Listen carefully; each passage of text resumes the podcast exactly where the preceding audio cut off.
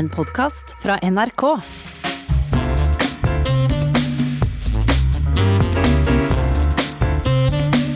Denne helga går den årlige storsatsinga TV-aksjonen av stabelen for 46. gang. Hver eneste høst siden 1974 har denne innsamlingsaksjonen til et humanitært føremål samla folk over hele landet i en felles dugnad som knapt har sitt sidestykke. I år er det World Wildlife Fund og arbeidet med å stogge plastforsøplinga av havet som står i sentrum. Tidligere har Røde Kors, Redd Barna, Kirkens Nødhjelp, Amnesty, Flyktninghjelpa og ei rad andre humanitære organisasjoner vært mottakere. I toppåra har så mange som 100 000 bøssebærere vært i sving. Dette året er det digital innsamling. Men er nå dette bare dugnadsånd og gjeverglede, eller er det noe klamt over det norske godhetsregimet, for å nytte et ord som for tid til annen dukker opp i debatten? Eh, med meg fra studio eh, i Trondheim har jeg deg, eh, filosof Henrik Syse, velkommen. Tusen hjertelig takk. Og her i Studio 62 sitter du, Daniel Arnesen, forsker ved Institutt for samfunnsforskning. Velkommen til deg også. Takk.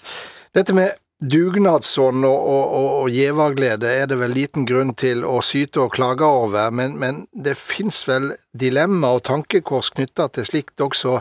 Henrik Syse, på hva vis blir vi som folk og nasjon påvirka av eh, denne historien om iver etter å hjelpe og gi for å gå inn i det norske sjølbildet? Jo, Det er riktig at dette har mye med selvbildet å gjøre, hvordan vi ser på oss selv. Det er litt interessant, for jeg er i Trondheim fordi jeg var med på et arrangement i Studentersamfunnet i går kveld med god koronaavstand. Og Da delte man ut noe som kalles Studentenes fredspris. ble delt ut til en eh, menneskerettsorganisasjon i Tyrkia som arbeider for homofiles rettigheter der. Poenget mitt er det følgende. Det jeg opplevde der, var et veldig sterkt ønske om å vise noe om hvem vi er, og det ønsker vi mennesker. Studentene ønsket noe å si om seg selv også, i tillegg til å støtte en organisasjon der ute. Og det kan på sitt verste, det var det ikke i går kveld, det var på sitt absolutt beste, men det kan på sitt verste bli en historie hvor man lurer seg selv, hvor man gjentar ting mange ganger om hvem man er, uten egentlig å leve opp til det. Ja, dette med å vise hvem vi er gjennom å støtte andre, eh, Daniel Andersen, det, det er et dilemma der. Det er et dilemma der. Eh, det er jo klart at når man tenker på hva en gave er, så er det jo sånn at eh, eh, ofte så tenker man at eh, man gir gaven eh, av altruistiske grunner. At, altså av menneskevennlige grunner. Ja, ikke sant. Altså, mm. den, er, det, den, er, interesseløs, den er frivillig, eh, og den gis uten forventning om å få noe tilbake. Eh, det står jo liksom litt i motsetning til når man f.eks. gir noe fordi du får nytte av det selv, og det står i mm. motsetning til det at du går i butikken og kjøper noe, betaler for noe for en vare igjen, f.eks., eller du betaler skatten din fordi du, staten krever at du gjør det. da. Mm. Eh, men det som er interessant med det å gi og gaver, det er at det er kanskje ikke bare så enkelt. da. Altså Mange gir fordi de føler at det, det, er bra å gi, og det, det, er mange ulike motiver for å gjøre det. Men hvis man tenker liksom litt på hva en gave er, og går f.eks. til eh, antropologien og den gamle antropologen eh, Marcel Moss, som skriver om gaven i sin bok fra 1923, så skriver han jo da at en gave det handler på en måte om å, å, å, å gi eh, eh, og få, og det å eh, gi en gjenytelse, da. Eh, og det er jo veldig interessant, fordi hvis du tenker f.eks. når du gir en bursdagsgave til noen, Eh, så forventer du ikke å få noe igjen med en gang, men når det er du som har bursdag, så forventer du at de gir en gave tilbake. Det er en slags langsiktig byttehandel, eh, dette, Henrik. Eh, kan en overføre dette til en innsamlingsaksjon? En dugnad? Noe av det kan man overføre, for vi mennesker vi gjør jo ting av flere grunner på en gang. Og det er det ikke noe galt i. Det kan tvert imot være veldig bra, men vi kan også lure oss selv igjen ved det, eller gjennom det, ved å, å skjule noen av motivasjonene våre. La oss ta Daniel og meg nå. Eh, vi er selvsagt med i dette programmet fordi vi syns det er veldig fint lov til å snakke med deg, Harald, ta opp viktige spørsmål, vi gir av vår tid, men vi er også representanter for institusjoner som trenger å være synlige. Så hvis noen da kommer og sier å, du gjør det bare for Institutt for samfunnsforskning eller for å få mer PR til Prio. Nei, det er ikke sant. Men vi er også med på å fremme flere motivasjoner og ha flere motivasjoner ja. på en gang. Og jeg tror det er en bra ting, for hvis vi overfører det til f.eks. TV-aksjonen eller til Norsk utviklingshjelp, så skal vi være oss bevisst at vi kan gjøre det av flere grunner på én gang. Og Det er ikke noe galt i det i seg selv, men hvis vi ikke bevisstgjør oss det, da kan man få noen konflikter. Nå tror jeg jeg skal være så bevisst at jeg ikke tror at eh, du gjør det utelukkende for du syns det er så hyggelig å snakke med meg, så det, det var en nyttig påminning. Ja, men det er, en, det, er en, det er en hovedgrunn. Det er en hovedgrunn. Jeg skal understreke det. ja, det er fint. Det er veldig fint. Men det norske godhetsregimet er jo et slags eh, begrep. Vi står liksom alt for, eh, for alt det som er godt, eh, Daniel Arnesen. Er, vi, er det der vi har en tendens til å lure oss sjøl litt? Det er jo litt eh, vanskelig å si om vi akkurat eh, lurer oss selv. Det er jo et begrep som på en måte har kommet inn i, fra samfunnsforskningen i løpet av de siste 20 årene. Og sånn som jeg forstår det, så handler det jo om at eh, Iallfall i Norge så har man på en måte brukt eh, bistandspolitikken også for å føre utenrikspolitikk. At eh, det knytter seg til det å på en måte drive med bistand, det å gi eh, en idé om at man gjør noe godt. Som man også kan bruke på måter for å føre politikk. da. Og Det er nettopp det som er litt sånn interessant også med det, liksom, når man tenker på hva en gave er for noe, i den forstand at det er en giver og det er en mottaker. Eh, og man binder på en måte mottakeren eh, til seg selv, og som vi har vært inne på nå, så kan det være mange gode grunner, gode grunner til å gjøre det. Eh, men det er klart at når man tenker på mottakere i f.eks. et utviklingsland, så er det ikke så lett for de å gi tilbake. Vi føler, kanskje, føler, det kanskje veldig godt med oss selv her hjemme når vi gir en gave. Eh, men for den som får, i dette tilfellet, til syvende og sist, så er det jo helt umulig å gi tilbake. Og i det så ligger det også på en måte et slags maktforhold, da, for da blir jo på en måte den andre litt sånn underdanig eh, i forhold til den som gir.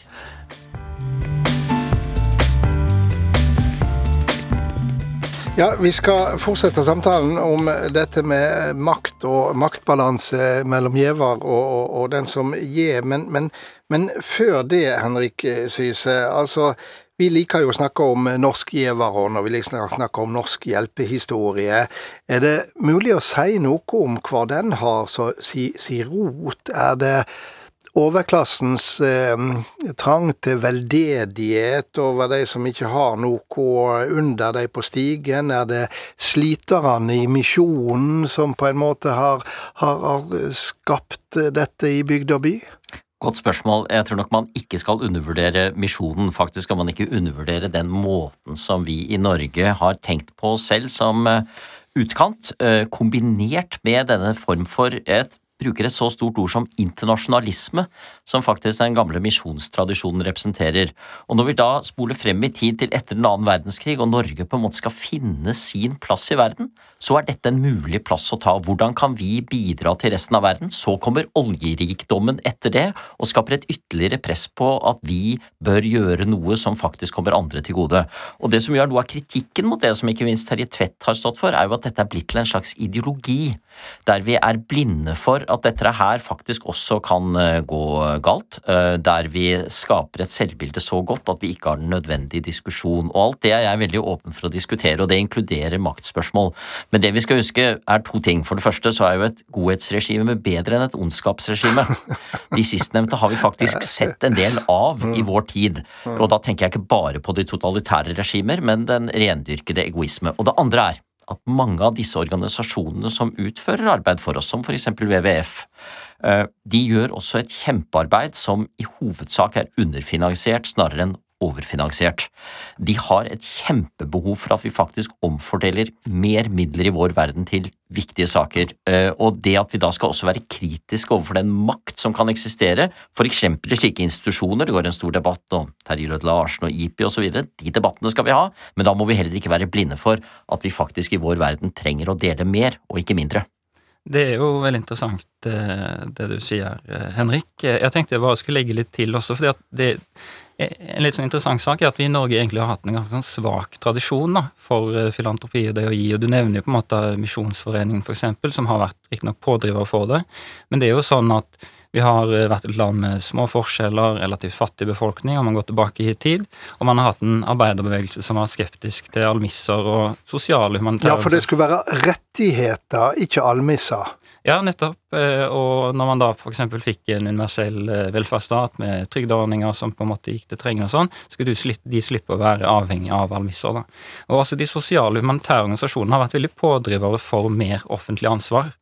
Eh, det som derimot har stått i fokus, er jo liksom arbeidsinnsats. ikke sant? Folk har ikke kunnet bidra med penger, men de har kunnet gjøre arbeid. Og dugnad har jo vært liksom, er jo det eh, norske nasjonalordet på mange måter. Mm. Sånn at på en måte det har vært måten å koble inn på. Men det har skjedd en endring, som Henrik er inne på her, i det at de siste par tiårene så er det stadig flere som på en måte også gir penger, da, i tillegg til å gjøre frivillig arbeid. Jeg har lyst til å eh, spørre om hvordan påvirker eh, det oss eh, og nasjonsbildet, dette med at vi er gavmilde gjevere, hvordan påvirker det synet på de andre, altså de som skal ta imot gavene, Daniel Andersen? Nei, det, det, er jo liksom litt uh, vanskelig å si, fordi vi, sånn som i den forskningen jeg driver med, så har vi på en måte ikke sett så mye på akkurat de tingene, men det er jo klart at det er mange som støtter opp om på en måte bistand fra Norges side. Eh, eh, samtidig, så, som jeg var inne på på en måte før pausen, så er det jo sånn at man står jo på en måte i et misforhold til den som mottar. Eh, og når jeg vokste opp f.eks. i tenårene og var barn og sånn, så, så, var det jo kanskje litt sånn en forestilling som lå til grunn, at her skal man på en måte hjelpe de fattige barna i Afrika, på en måte. Og det på en måte Da, da setter man på en måte de i et litt sånn underforhold til en selv, som er jo problematisk, da, egentlig. Ja, fordi at det vil jeg fore ved at vi stakkarsliggjør eh, si, de andre, de som mottar, og, og, og, og sånn sett eh, stiller oss i en overlegen posisjon, Henrik Syse? Ja, jeg tror der ligger mye av denne typens arbeids store utfordring.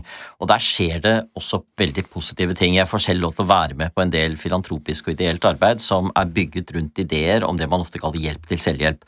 Hvordan vi kan være med på å gi penger, for all del, vi kan være med på å gi know-how, vi kan være med å gi organisasjon, men først og fremst kan vi være med på å bygge opp lokal kompetanse. Og det skjer jo en del fantastiske ting som faktisk er med på å bygge demokrati og rettsstat og rettigheter i de landene det gjelder, uten at det er vi som først og fremst står der som donorer, men som mer kan være med som eh, vi kaller det ofte fasilitatorer for den type arbeid. Og der er det en stor forskjell innenfor denne type arbeid mellom den måten å tenke på og en mye mer stakkarsliggjørende måte å tenke på. Eh, før en TV-aksjon for mange mange år siden, så eh, ble det lansert slagordet 'Gi så du kjenner det inni deg', og det vakte stor debatt eh, fordi at velstandsnordmannens indre sjelsliv skulle ikke være målestokken for å hjelpe. Vi må passe oss der, Henrik Suse? Ja, det er sant det, men samtidig så tror jeg et litt annet uttrykk, nemlig i så du merker det, uten å ta med om det er inni eller utenpå, men at vi faktisk skal merke at vi deltar i noe som er større enn oss selv, det tror jeg ikke er noe vi har for lite av i vår verden, så vi skal være litt forsiktige med denne problematiserende debatten, for den kan også bare styrke en egoisme på sitt verste. Det var vel for så vidt et stikkord til meg da, om å komme meg eh, mot eh, slutten her. Og da har jeg lyst til å gå tilbake til utgangspunktet, nemlig søndagens aksjon. Eh, for i år er det ikke tusenvis av bøssebærere som går rundt. Det har vært digital innsamlingsaksjon, og vi veit alle hvorfor. Er vi modne for det, Henrik Syse?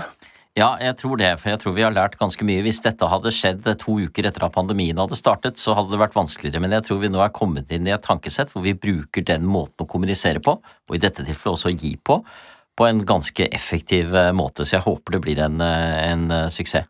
Det er et eksperiment, Daniel Arnesen? Det er det, men det er klart at vi så jo i forbindelse med utbruddet av pandemien at mange organisasjoner på en måte begynte med innsamlingsaksjoner på internett.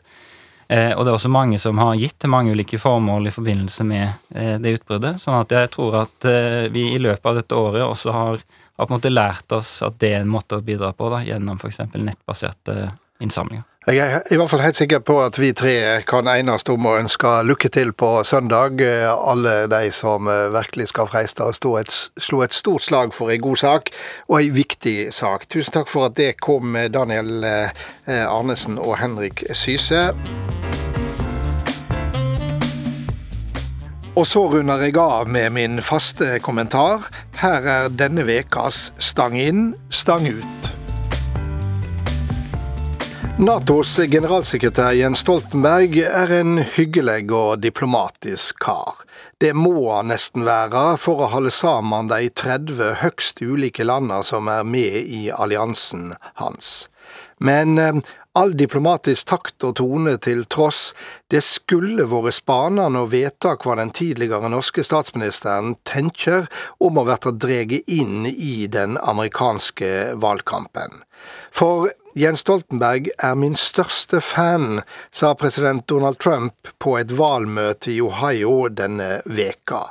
Den amerikanske presidenten har også tidligere sagt at nordmannen er hans største tilhenger.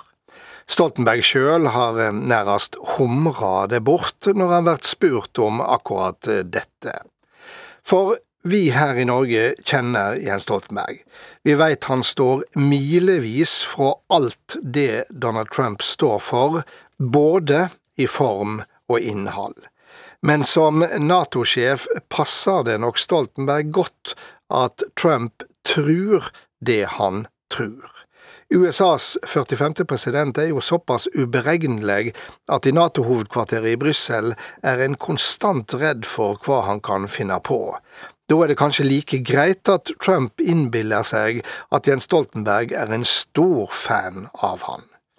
Det er dessuten ikke den verste løgna han sprer utover det flotte landet sitt, heller ikke den mest skadelige, for det er kanskje de konspirasjonene han spreier videre på sin Twitter-konto.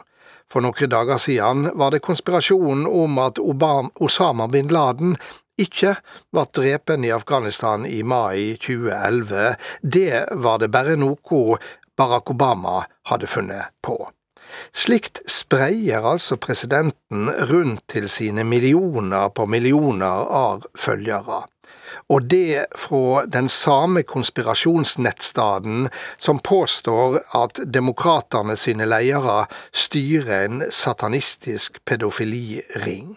Det vet jeg ingenting om, svarte Donald Trump da han var konfrontert med dette av NBCs Savannah Guthrie under utspørringa natt til i dag. Jo, det gjør du, kom det kjapt fra Guthrie.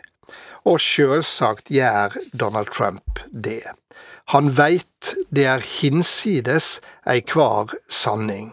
Du er jo president, ikke noens gale onkel, kom det nærmest fortvila fra programlederen på NBC. Det er nettopp det. For knapt noen gang har det vært så vondt å følge en valgkamp i et demokrati. Det er som om den politiske debatten fullstendig har forvitra. Det er et trist syn, og ei åtvaring til alle som er glad i demokratiet som styreform. Men eh, trass i noen mørke politiske skyer, ha ei god helg.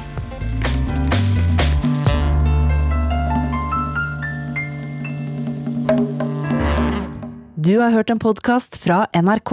Hør flere podkaster og din NRK-kanal i appen NRK Radio.